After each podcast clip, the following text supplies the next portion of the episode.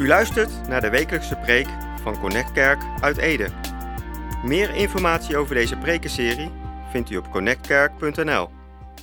Be blessed. We gaan bezig met een eh, nieuwe serie.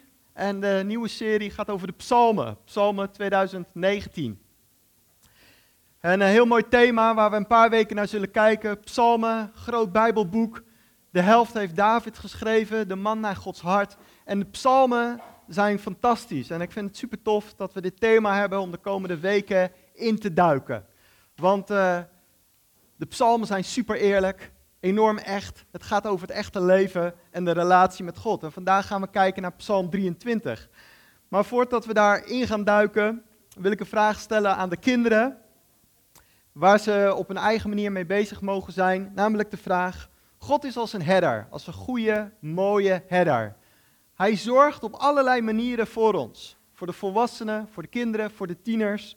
En misschien kun jij een verhaal schrijven, of een gedicht, of een tekening, of iets anders. Waarin jij op jouw eigen manier laat zien hoe God in jouw leven voor je zorgt.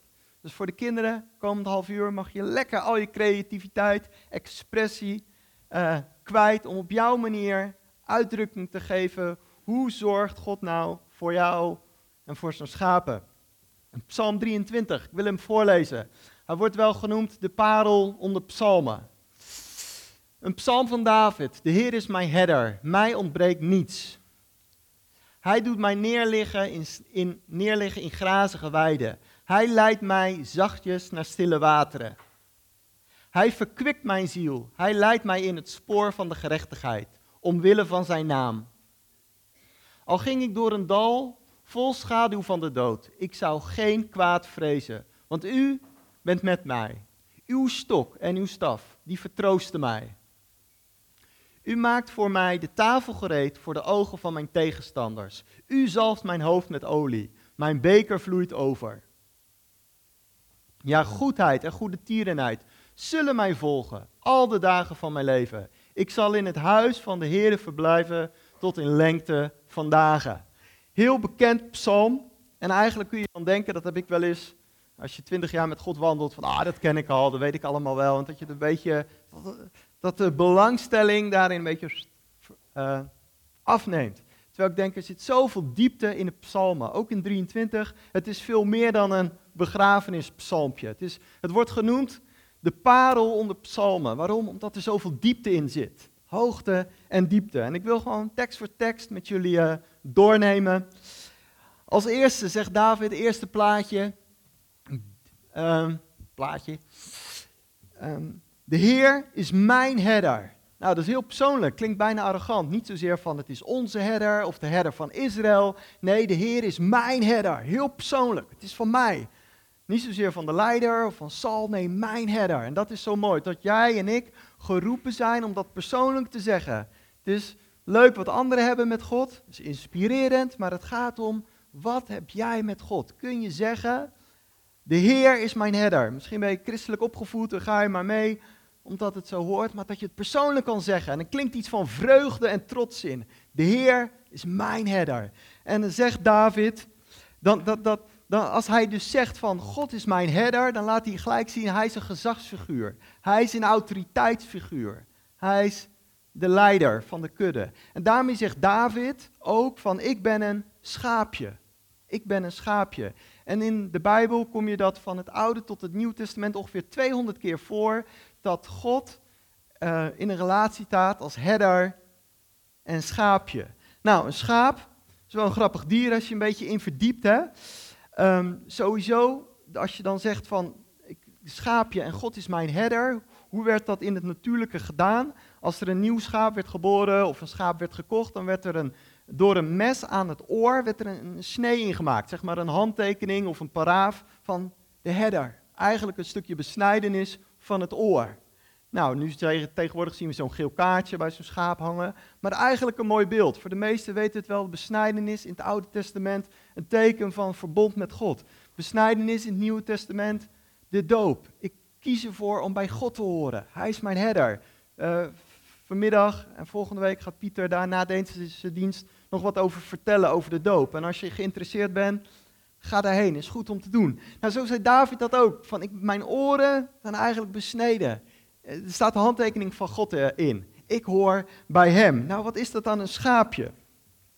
Een schaap is aan de ene kant een heel slim dier. Ik weet niet hoe ze het onderzocht hebben, maar het schijnt dat hij 200 gezichten kan onthouden. Acht jaar lang. En ook is het zo als je een grote waterplas hebt en er zijn verschillende kuddes met verschillende headers. En op een gegeven moment zegt die header, of ze zeggen allemaal tegelijk we gaan, dan gaat precies de juiste schapengroep naar de juiste herder. Dat hij niet met de verkeerde meeloopt. Nee, een schaap die weet van, oh, ik hoor bij hem en die volgt. Daarom zegt de Bijbel ook, de, de schapen kennen de stem van de herder. Nou, dat is best wel aan de ene kant een wijs dier. Wat ik ook zo leuk vind, dat de Bijbel zegt, de schaap verstaat de stem van de herder. Nog niet een babyschaapje of een lammetje, nee, want die moet het nog leren, maar een schaap. Het is een groeiproces. En wat ik leuk vind ook aan, aan Marcel Suzon, dat ze ook mensen leren om de stem van God te verstaan. De afgelopen jaren hebben ze, vroeg hebben ze dat ook in onze gemeente geleerd van hoe versta je de stem van de herder? Zo essentieel, de stem van God verstaan. Dus aan de ene kant is een schaap een best wel slim dier, maar aan de andere kant is het ook een, eh, een best wel dom dier. En is best wel confronterend voor ons lieve mooie zelfbeeldje als God zegt je bent een schaapje. Dus ik hoop niet dat ik uh, je kwaad doe. Maar uh, een, schaap is een heel onzeker en bang dier. Als er vuur komt, blijft hij gewoon staan. Als hij in het water staat en dan komt een vloedgolf aan, dan kan hij gewoon springen en dan is hij uh, bevrijd ervan. En hij kijkt gewoon leidzaam toe hoe dat water hem overspoelt. Ook met, met gevaren blijven ze in rondjes lopen of ze botsen tegen elkaar heen. Bij angst, bij onzekerheid, bij spanning wil je alles zijn behalve een schaap, want die doet precies het verkeerde. En toch worden we als schapen vergeleken. Waarom? Omdat een schaap eigenlijk een heel afhankelijk dier is. Een schaap heeft een herder nodig. Als je kijkt naar, naar kuddes, bijvoorbeeld uh, wolven of leeuwen, die hebben geen herder nodig. Die kunnen het allemaal zelf. Maar schapen wel. Ik even een, eh, een, uh, volgende plaatje. Nou, dit is een beeld van een uh, schaap. Ik wil gelijk door naar een filmpje. Er was een schaap die was aan het, aan het lopen en die kwam een kinderboerderij tegen. En uh, krijgen we dit fragmentje. Ja, daar sta je dan met je goede gedrag. Hij was er dus ingeklommen in die band. En ja, toen zat hij vast en probeerde hij heel hard te redden. Maar ja, vloog alleen maar de lucht in. En dan zegt David in dat, in dat gedeelte, zegt David iets wonderlijks. God is mijn herder, mij ontbreekt niks. Ik heb aan geen gebrek, zegt een andere vertaling. En wat ik denk, hoe kan je dat nou zeggen, David? Aan mij, in mijn leven, ontbreekt helemaal niks.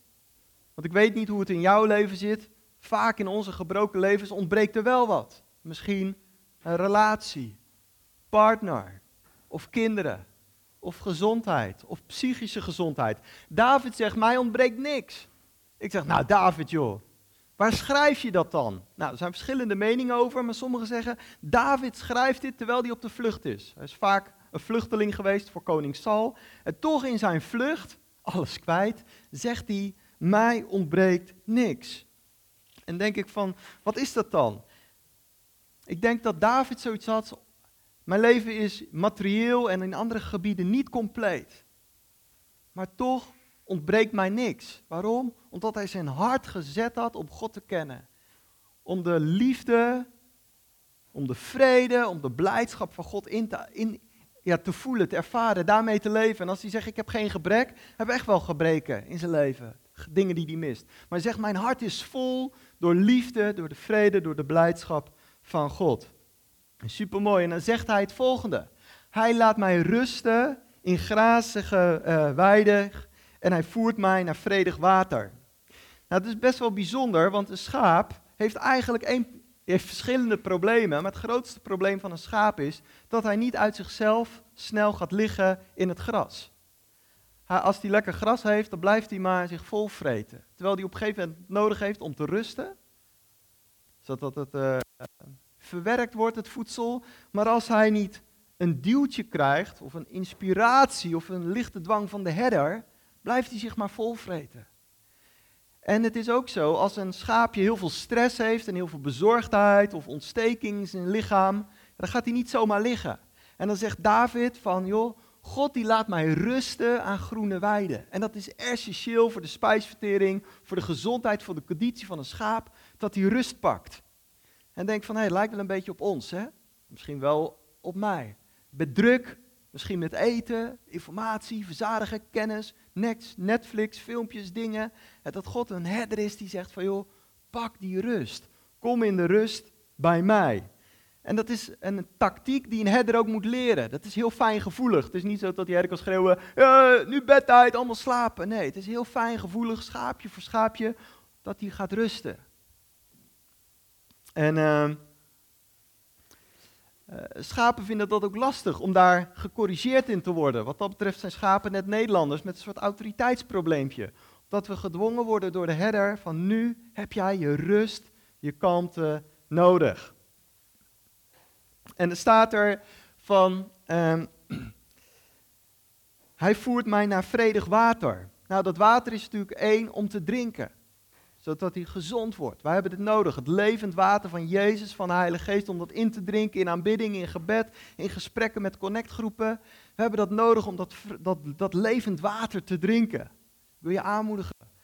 Neem tijd om dat levend water te drinken. Maar het was ook zo, als zo'n kudde opgejaagd werd, bijvoorbeeld door wilde dieren, en ze gingen door een waterstroom heen, dan gingen alle geuren van dieren, um, ja, die, die, die, werden weggewassen door dat water. Dus dat zie je wel eens in die films, hè, die geuren, ja, die, die verdwijnen als het, als het ware, zodat die roofdieren niet meer wisten van, hé, hey, waar zijn ze gebleven? Waarom? Het water heeft hun um, de sporen gewist. Zo is het als we ons laten wassen. Zo is het als we ons laten reinigen. Water is zo'n mooi beeld. Als we ons laten reinigen, worden we fris. De vijand kan geen vat op ons hebben. Volgende. Dan zegt hij, hij geeft mij nieuwe kracht en leidt mij langs het veilige spoor tot eer van zijn naam. Nou, dat nieuwe kracht, andere vertaling zegt verfrist of verkwikt. In het Hebreeuws staat het woordje shrub. En dat betekent zoiets als herstel en genezing. Hij wil mijn ziel, mijn denken, mijn gevoel, mijn motieven, wil hij herstellen. Of eigenlijk is hij actief bezig om te genezen. Letterlijk staat er, hij is bezig met een genezingsproces om je terug te brengen in de oorsprong van je zijn. Dus toen de mens totaal nog niet gezondigd had, was de mens een complete eenheid. Het DNA van de mens, de relaties waren helemaal perfect. En God is bezig, is jouw nieuwe kracht aan het geven, zodat je wordt de persoon zonder zonde helemaal, zoals je werkelijk bedoeld bent. Je ware DNA met gezonde relaties. En David zegt, ik doe dat niet alleen. Het is niet dat David denkt, ik moet het snel doen en eh, laat ik mijn best doen. Nee, hij zegt, hij is die leidsman. Hij geeft mij kracht. Hij verfrist, hij verkwikt, hij herstelt en geneest mijn ziel. Hij gebruikt anderen, gebruikt bedieningen, maar hij is de motor daarachter. Hij doet het willen en het werken. En wat zo mooi is, van, hij doet dat uh, langs veilige sporen. Nou, het liefst zou ik gewoon zo'n asfaltbaan willen. Van A naar B, veel lampen, gewoon strakke lijn, weet je. Het liefst nog een soort uh, lift of zo, niet te vermoeiend. Maar letterlijk staat er veilige sporen. In het beeld van een herder was dat eigenlijk, je had zeg maar een berg. Dan kun je natuurlijk gewoon hop, rechtstreeks naar boven. Maar om die hele berg af te grazen, werden het vaak rondjes naar boven. Een soort van die uh, haarspeldbochten naar boven. En uh, ik hou van uh, hardlopen. Afgelopen zomer was ik uh, op vakantie in Frankrijk en dan ging ik zomers wel eens hardlopen. En dan had ik zo, oké, die berg wil ik vandaag pakken. Ben ik twee uur onderweg. En op een gegeven moment was het heel warm en ik had zo'n route in mijn hoofd, dat ook wel veilige weggetjes was. Op een gegeven moment dacht ik, wat is zo heet, ik pak wel een bospad en volgens mij kom ik er dan wel. Even op de kaart kijken, volgens mij kom ik er wel. Nou, ik lopen, lopen, lopen. Ik denk, kom ik ooit aan die top, joh? Volgens mij kom ik echt in het andere dorp uit. Ik had niet zoveel water bij me. Ik denk, oh jee. En cirkelen en cirkelen door dat bos heen. En ik denk van, joh, joh, jongen. En ik voor mijn gevoel was ik helemaal daar. En opeens stond ik op de top van de berg. En dat noemen ze dan eigenlijk, top van de berg noemen ze ook wel tafel. Hè? Denk aan de Tafelberg in Zuid-Afrika. En wat God doet, hij leidt ons langs die veilige sporen. En vaak had een herder had een, een soort cyclus van een jaar waarin die, die berg of dat berggedeelte uh, doorliep. En misschien heb je dat ook wel eens, dat je het gevoel hebt dat soms je lessen opnieuw moet leren met God. Of ben ik uh, de enige? Dat je na een jaar of soms na twee jaar opnieuw dingen leert. Van hé, hey, dat God bijvoorbeeld tegen mij vaak zegt, Kors, dit podium en een microfoon, daar gaat het allemaal niet om. Het gaat erom, wie ben je voor je buurman? Wie ben je voor je collega? Dit is maar een extraatje, een toetje. Waar het werkelijk om gaat, is wie ben je als niemand kijkt? Wie ben je in het verborgene? Wie ben je in het onbekende? En uh, soms leert God mij die les. Denk, ja, heer, dat weet ik toch wel. En dat heeft u vaker geleerd. En, maar blijkbaar vindt God het nodig om dingen te herhalen. En eigenlijk is dat wat, wat, wat die herder ook doet met die schapen. Dat hij na een aantal maanden weer terugkeert naar een plek om opnieuw het tot je te nemen, zodat het dieper gaat. Vaak willen we in Nederland, althans, nieuwe dingen, herhaling, dieper. Dieper in je zijn, uh, God daarin kennen. En dan zegt de Bijbel ook het volgende. Van, het volgende. Al ging ik door een dal vol schaduw van de dood, ik zou geen kwaad vrezen, want u bent met mij. Nou, deze tekst wou ik het liefst overslaan natuurlijk. Wat moet je hiervan maken? En ik was met deze tekst, de, en die vorige was ik mee bezig. Heer, wilt u nog iets specifieks zeggen? Wilt u nog specifiek zeggen? En ik had twee ideeën dat, eh, dat God zei. Van, van, misschien ben jij een persoon die in het geheim best wel zwaarmoedig bent. Dat je een persoon bent dat je zegt, ja, mensen zien mij van de buitenkant als, uh, als vrolijk en energiek. Maar eigenlijk ga ik best wel in een, door een seizoen van geheime zwaarmoedigheid en neerslachtigheid. En uh, God zegt volgens mij tegen jou vandaag van, ik ken je, ik weet waar je doorheen gaat, misschien gevoelens van zwaarmoedigheid, maar ik wil, ik wil vreugde geven. En ik wil troost geven en ik wil mensen geven op je pad waarmee je hart kan luchten om je weer te verfrissen en te verkwikken. Een ander beeld wat ik had in de voorbereiding was een uh, beeld van, uh, van een jeep. Ik ben helemaal geen autofreak, maar ik zag een jeep. En uh, ik had echt het gevoel, dit is een hele dure jeep met een hele grote motor erin. Maar daarachter zat een karretje, een best wel groot karretje, met een beetje zachte banden, zwaar beladen, maar er zat ook een heel groot doek overheen. En ik had echt het idee, die Jeep, die heeft een motor, die, die is ervoor gemaakt om, om, om te crossen en te gaan en energiek te zijn. Maar die, maar die car, met al hele grote bagage en lekke banden en een kleed eroverheen, die zorgt dat die Jeep niet gaat doen waar die voor die gemaakt is en waar die vreugde in vindt. En ik, had zo, ik was aan het bidden van, Heer, wat is die beladen dan? Die, die, die last, die die geweldige Jeep tegenhoudt, die fantastische Jeep tegenhoudt. En ik dacht, misschien zijn het dingen uit je verleden en eigenlijk wil je niet onder die tentdoek kijken. Je weet, daaronder liggen een paar rotsblokken. En God zegt, wees niet bang om te kijken onder die tentdoek wat daar ligt. En het is minder erg met mij dan je denkt. En we gaan samen die rotsblokken van die kar afhalen. We gaan die kar van misschien zwaarmoedigheid gaan we loskoppelen, zodat die jeep kan gaan rijden op paden waar je nog nooit van gedroomd hebt. Want er zit veel meer kracht en vermogen in jou dan je denkt. En als je dit bent, um, kom na de dienst, naar het gebedsteam en we willen voor je bidden. Oké, door een dal vol schaduw van de dood. Ook als christenen gaan we soms door moeilijke, pittige tijden heen. Hebben lastige momenten. Maar wat er staat, het is een schaduw van de dood. In de Bijbel wordt gezegd, de dood is eigenlijk de afwezigheid van God. Het ontbreken van God. En hier is de schaduw van de dood. Het is niet de dood zelf, maar een reflectie, een schaduw, een, een, een namaak van de dood. Dus soms hebben we momenten dat je misschien denkt van waar is God? Waarom moet ik dit meemaken? Waarom ik? Het is een schaduw. Nou, die momenten kende David ook. Pittige situatie. Maar dan zegt God van, uh, ik ben met je. Ik ben met je. David, de man naar Gods hart. Jezus noemt zich een aantal keer de zoon van David.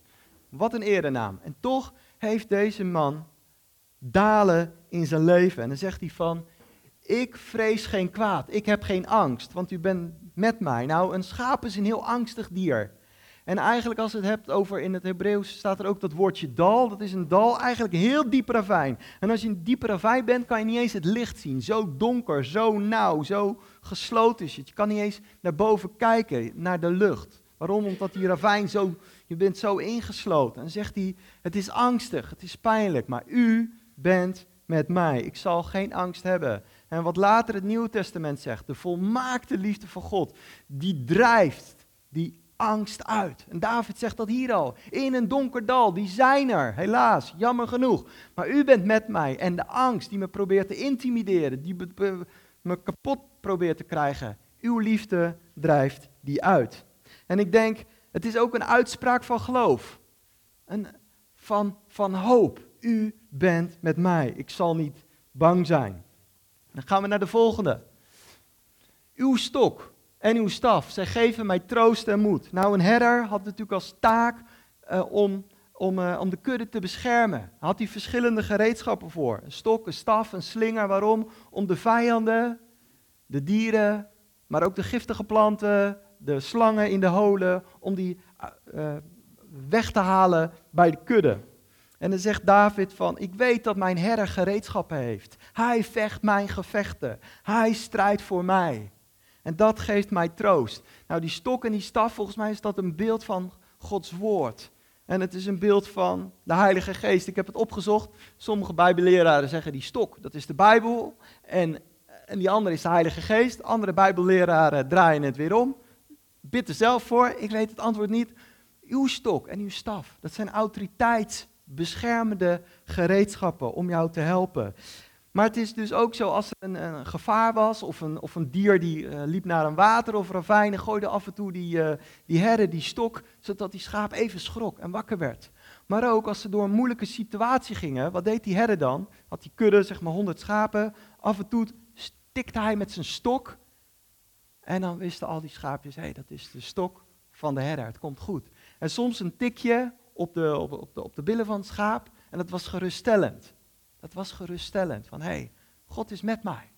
God is bij mij. Die, die stok is beschermend. Maar wat ik zo leuk vind, dat ik laatst een verhaal hoorde van een Bijbellerares. Een geweldige vrouw en die gaf onderwijs. En ze kwam uit het buitenland en zij had gewoond in een land waar er heel veel schapen en schaapkuddes waren. En hij zei, zij zei, het is voor mij een normaal beeld om, om herders te zien, en schapen voor ons niet. En ze zei, in die 30, 40 jaar heb ik nog nooit gezien dat een herder een schaap sloeg met die stok. Nog nooit. Waarom? Een schaap is veel te heilig en te kostbaar voor zo'n herder. Af en toe wel een flinke tik. En je hebt een speciale techniek moeten die herders leren om die beesten in beweging te krijgen. Dat is een hele speciale tactiek. Komt fijngevoeligheid, contact, deskundigheid en wijsheid ervoor. Om die, om die schaap te inspireren de juiste kant op te gaan en dan volgt de rest. Maar nooit te hard.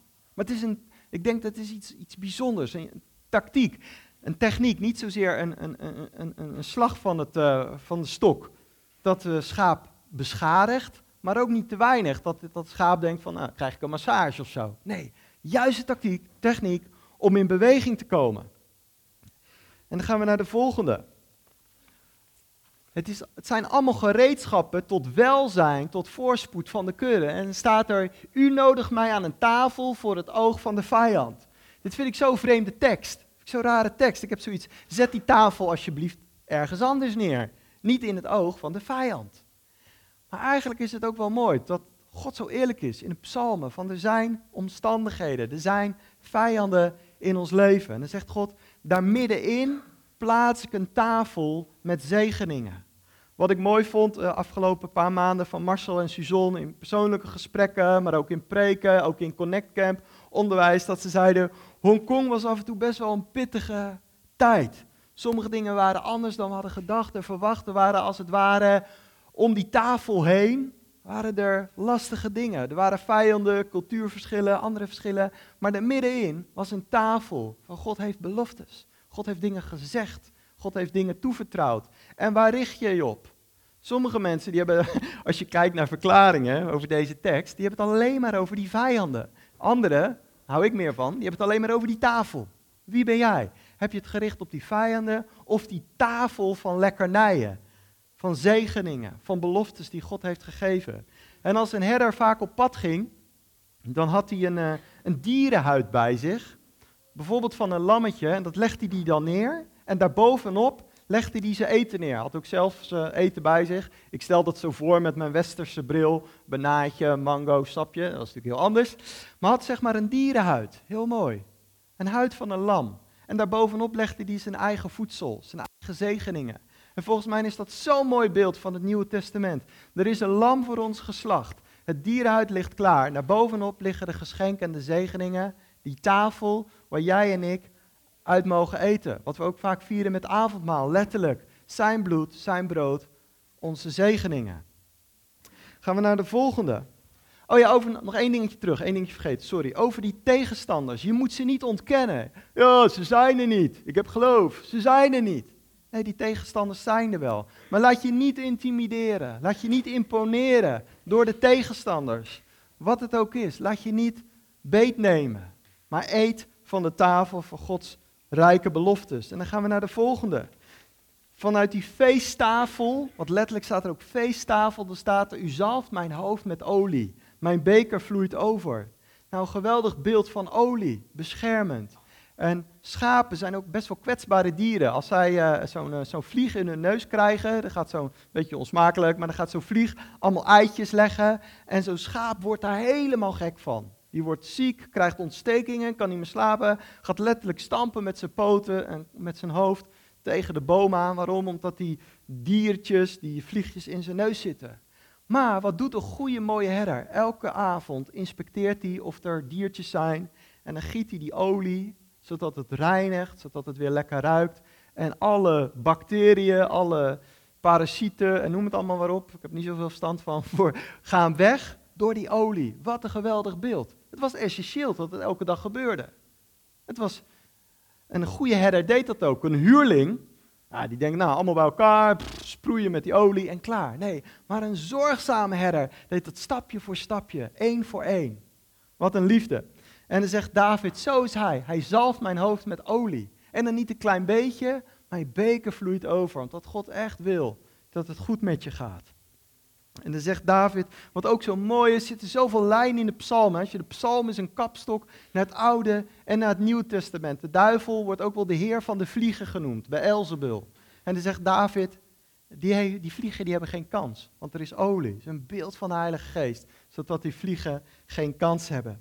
En dan staat er een laatste tekst, geluk en genade zullen mij volgen, alle dagen van mijn leven.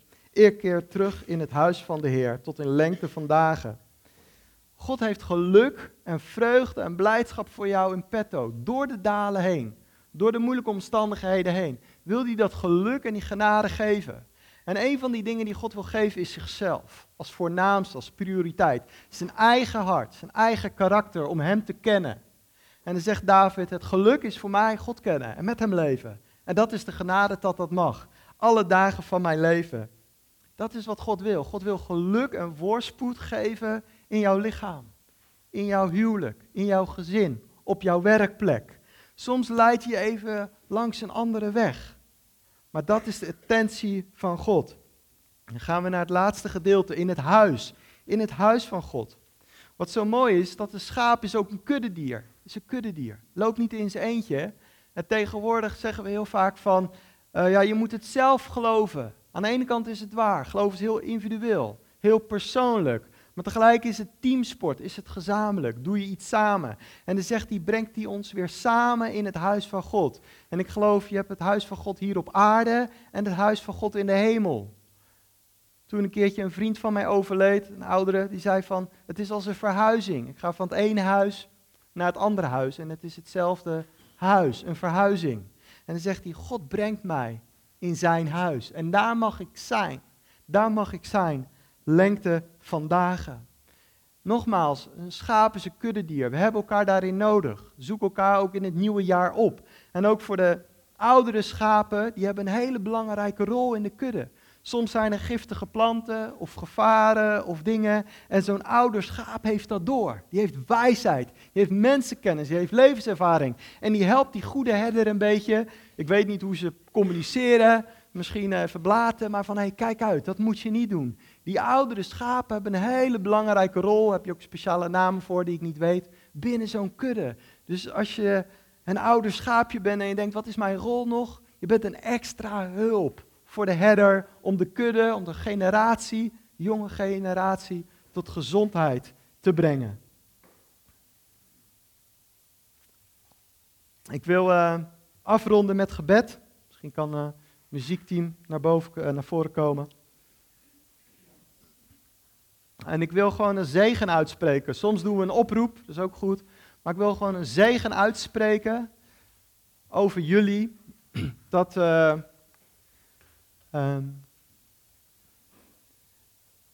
zoals, zoals David heel intiem was met God, door de moeite van het leven, dat, dat jij ook een stuk intimiteit met God mag ervaren. Eerst even stil zijn en dan bid ik voor jullie. Vader, dank u wel dat we kostbaar zijn, dat we zuiver zijn en heilig in uw ogen. En dat u onze goede, mooie herder bent. En ik bid dat we meer en meer zullen groeien in die intimiteit met u. Om te eten bij uw feesttafel. Om te liggen in de rust bij u. Om van u te genieten, om van u te leren en om naar u te luisteren. Vader, ik bid dat we, dat we ook in dit nieuwe seizoen, als er nieuwe dingen op ons pad komen misschien, dicht bij u zullen leven, in uw nabijheid.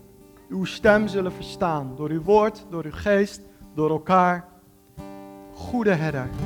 En ik bid voor een nieuwe honger en daar wil ik jullie mee zegenen. Ik geloof dat God dat wil doen, een nieuwe honger wil opwekken. Voor sommigen een honger in je honger, want je bent al hongerig naar God. Maar God zegt, ik wil een extra honger opwekken naar mij, zodat je mij beter zult leren kennen en nog meer vrucht zal dragen. In de naam van Jezus. Amen. U luisterde naar de wekelijkse preek van Connect Kerk uit Ede. Meer informatie over deze gemeente en alle preken over dit thema vindt u op connectkerk.nl of bezoek onze Facebookpagina. Bedankt voor het luisteren en wees tot zegen.